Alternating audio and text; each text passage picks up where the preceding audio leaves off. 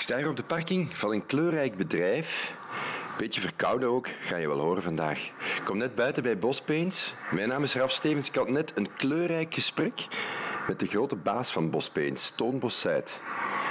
Het is bijna niet te geloven dat sommige mensen deze man vroeger wel eens als Haantje de Voorste typeerden. Woorden waar ik nu persoonlijk aan denk is open, eerlijk denk ik, warm, zeker warm, beetje bedachtzaam misschien ook. Benieuwd welke woorden bij jullie blijven hangen na het gesprek? Laat het me gerust weten. Wat op mij de meeste indruk heeft gelaten vandaag. Wat een zelfbewustzijn heeft die man. Wat een zelfreflectie. Ja, ik denk zelfs dat dat de essentie is van volwassen worden. Die zelfreflectie. It takes a lot to know a man. Ik vroeg Toon, hoe doe je dat? Werken aan meer zelfbewustzijn. It takes a lot to understand. Ja, ik heb veel trainingen, ge- eh, dat gaat over trainingen. Hè. Ehm, we begonnen met NLP en dan later Leading by Being en, en zo verder. En vandaag is voor mij mijn belangrijkste ehm, moment, of is dus de CEO Council, waar dat we dus ja, bewust eigenlijk in, in, ehm, in, in reflectie gaan en een dialoog dan. Ehm, Het, het is een informeel groepje van mensen die op regelmatige tijd samenkomen Ja. over, om te praten over alles, las ik. Ja, over onszelf, ja. En waar, dat ons, waar dat we op vastlopen. Wat kost ons energie?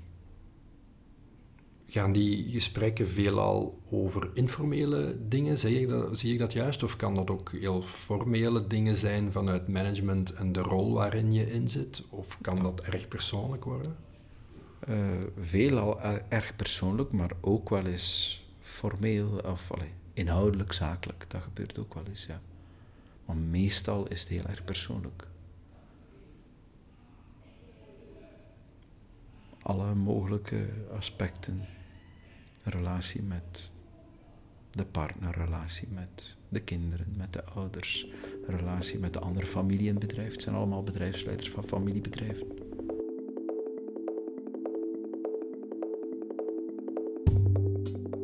Is het de, misschien de enige plaats waar je 100% en jezelf en CEO kan zijn? Ja. Zelfs 100% is, is moeilijk, hè. 100%. Hè, want ook daar zijn er dingen waar dat ik mij voor schaam. Dat ik ze doe of niet kan, of dat ik zo ben. Dus ik, ook daar moet ik mezelf soms overwinnen van, durf ik daar nu wel helemaal eerlijk in zijn? Ondanks het feit dat dat een zeer veilige context is. Ik vertrouw die mannen 100%.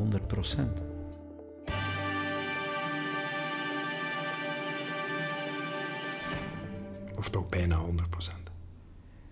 Ja, maar dat, dat gaat niet over hun, dat zij daar iets verkeerd mee zouden doen. Dat gaat over mijn eigen angst van, ja, het gaat meer over ik die bang ben voor mezelf.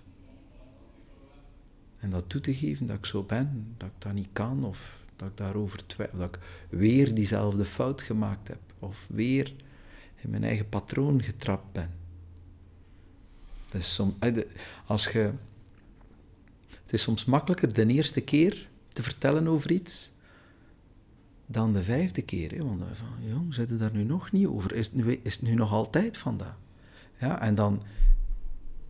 Ja, dan... Ja, dat, dat, dat is schaamtelijk, hè? En kijk je dan soms ook naar de anderen van God? Die staan daar toch veel verder in als ik. Ja, ja, zonder meer, ja. Dat denk ik dan. Of dat dat zo is, dat is niet... Dat, dat, dat- dat- ik, eh, ik zou dat zelfs durven betwijfelen. Iedereen heeft zijn kruis, hè.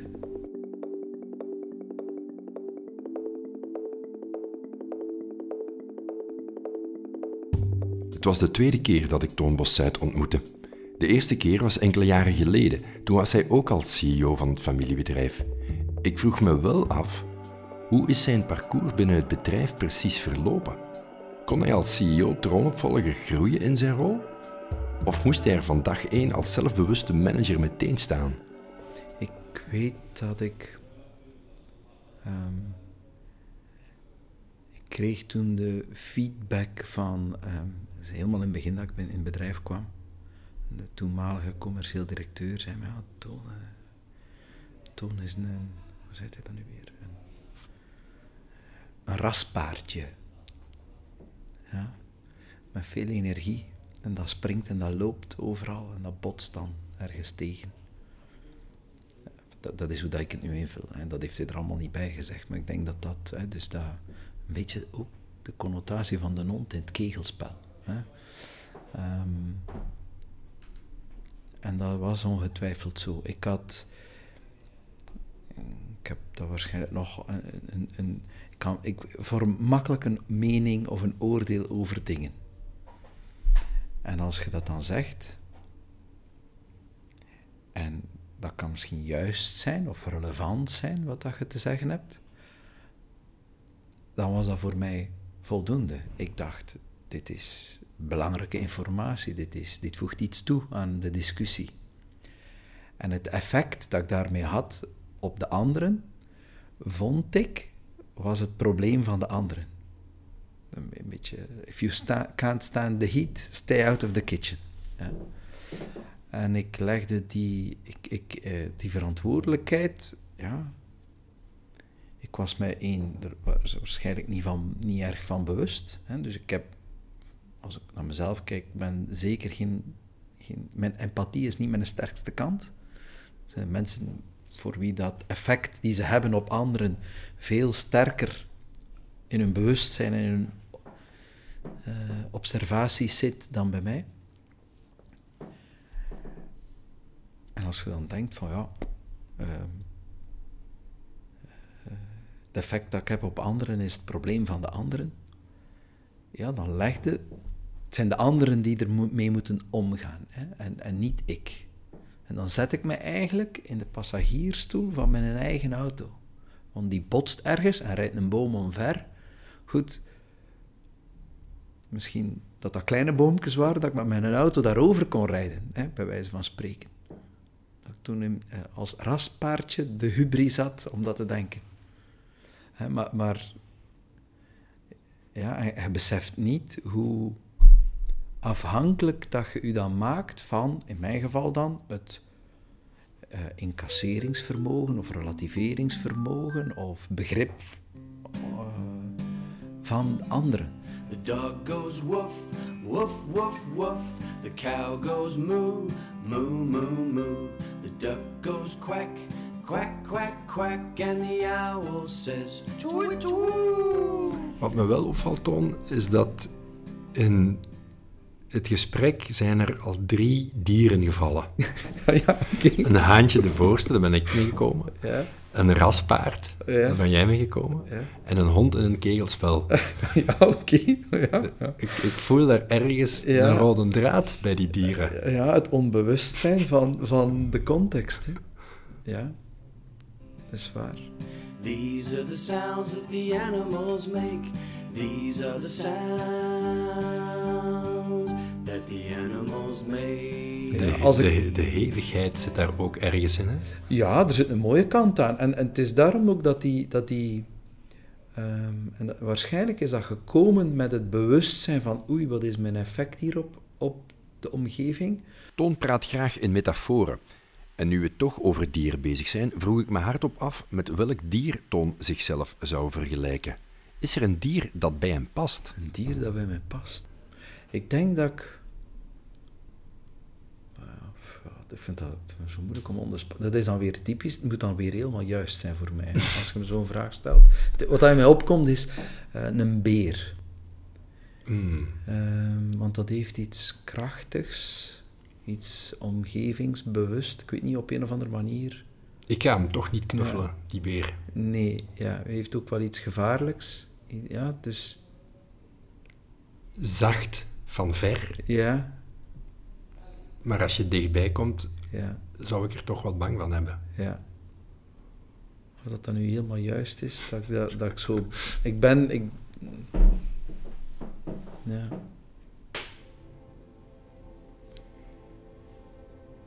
Ja, een beer. De manier waarop Toon in het gesprek zat, was aangenaam. En de manier waarop hij praatte... Ja, de openheid en eerlijkheid ik denk dat veel bedrijfsleiders daar iets van kunnen leren. En naar gelang het gesprek vorderde, stelde Toon zich nog meer open. Het was een goed moment om te vragen: waar worstelt hij zelf mee? Een thema waar ik ook soms tegenaan loop. Wat ik vroeger helemaal niet zou gezien hebben, is ehm, ja, soms een zekere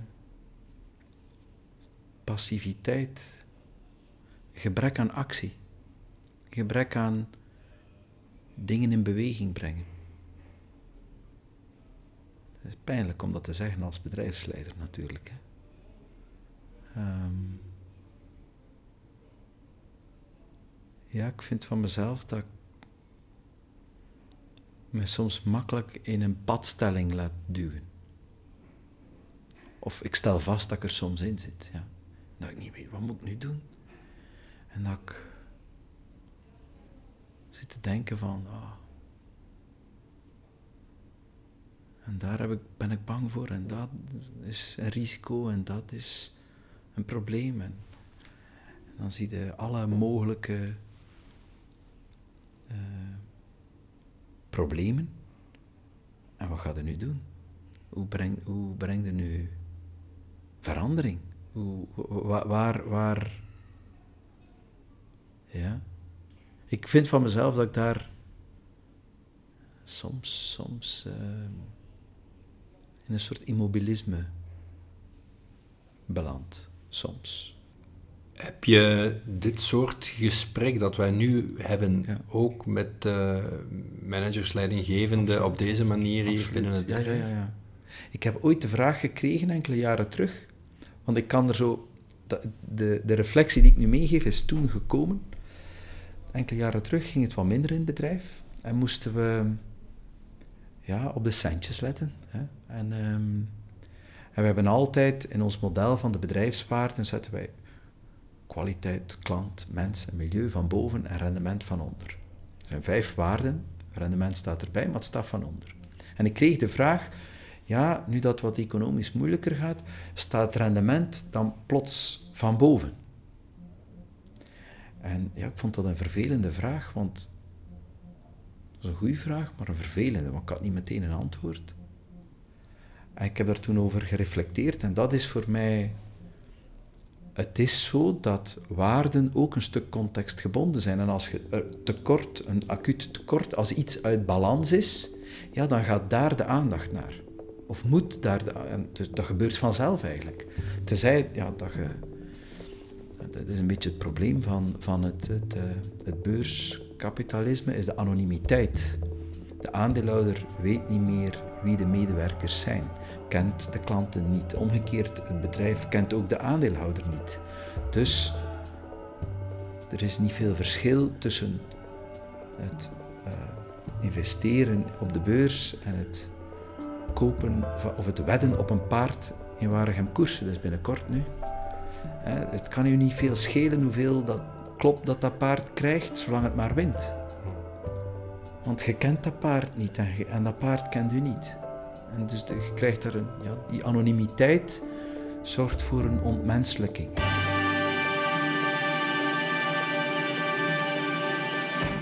Ik kan er ook enorm van genieten als mensen hier in een bedrijf komen en zeggen: oh, mooi schoon bedrijf en die mooie waarden. En, um, ik heb, uh, we zijn een HR-directeur aan het zoeken bij ons in bedrijf.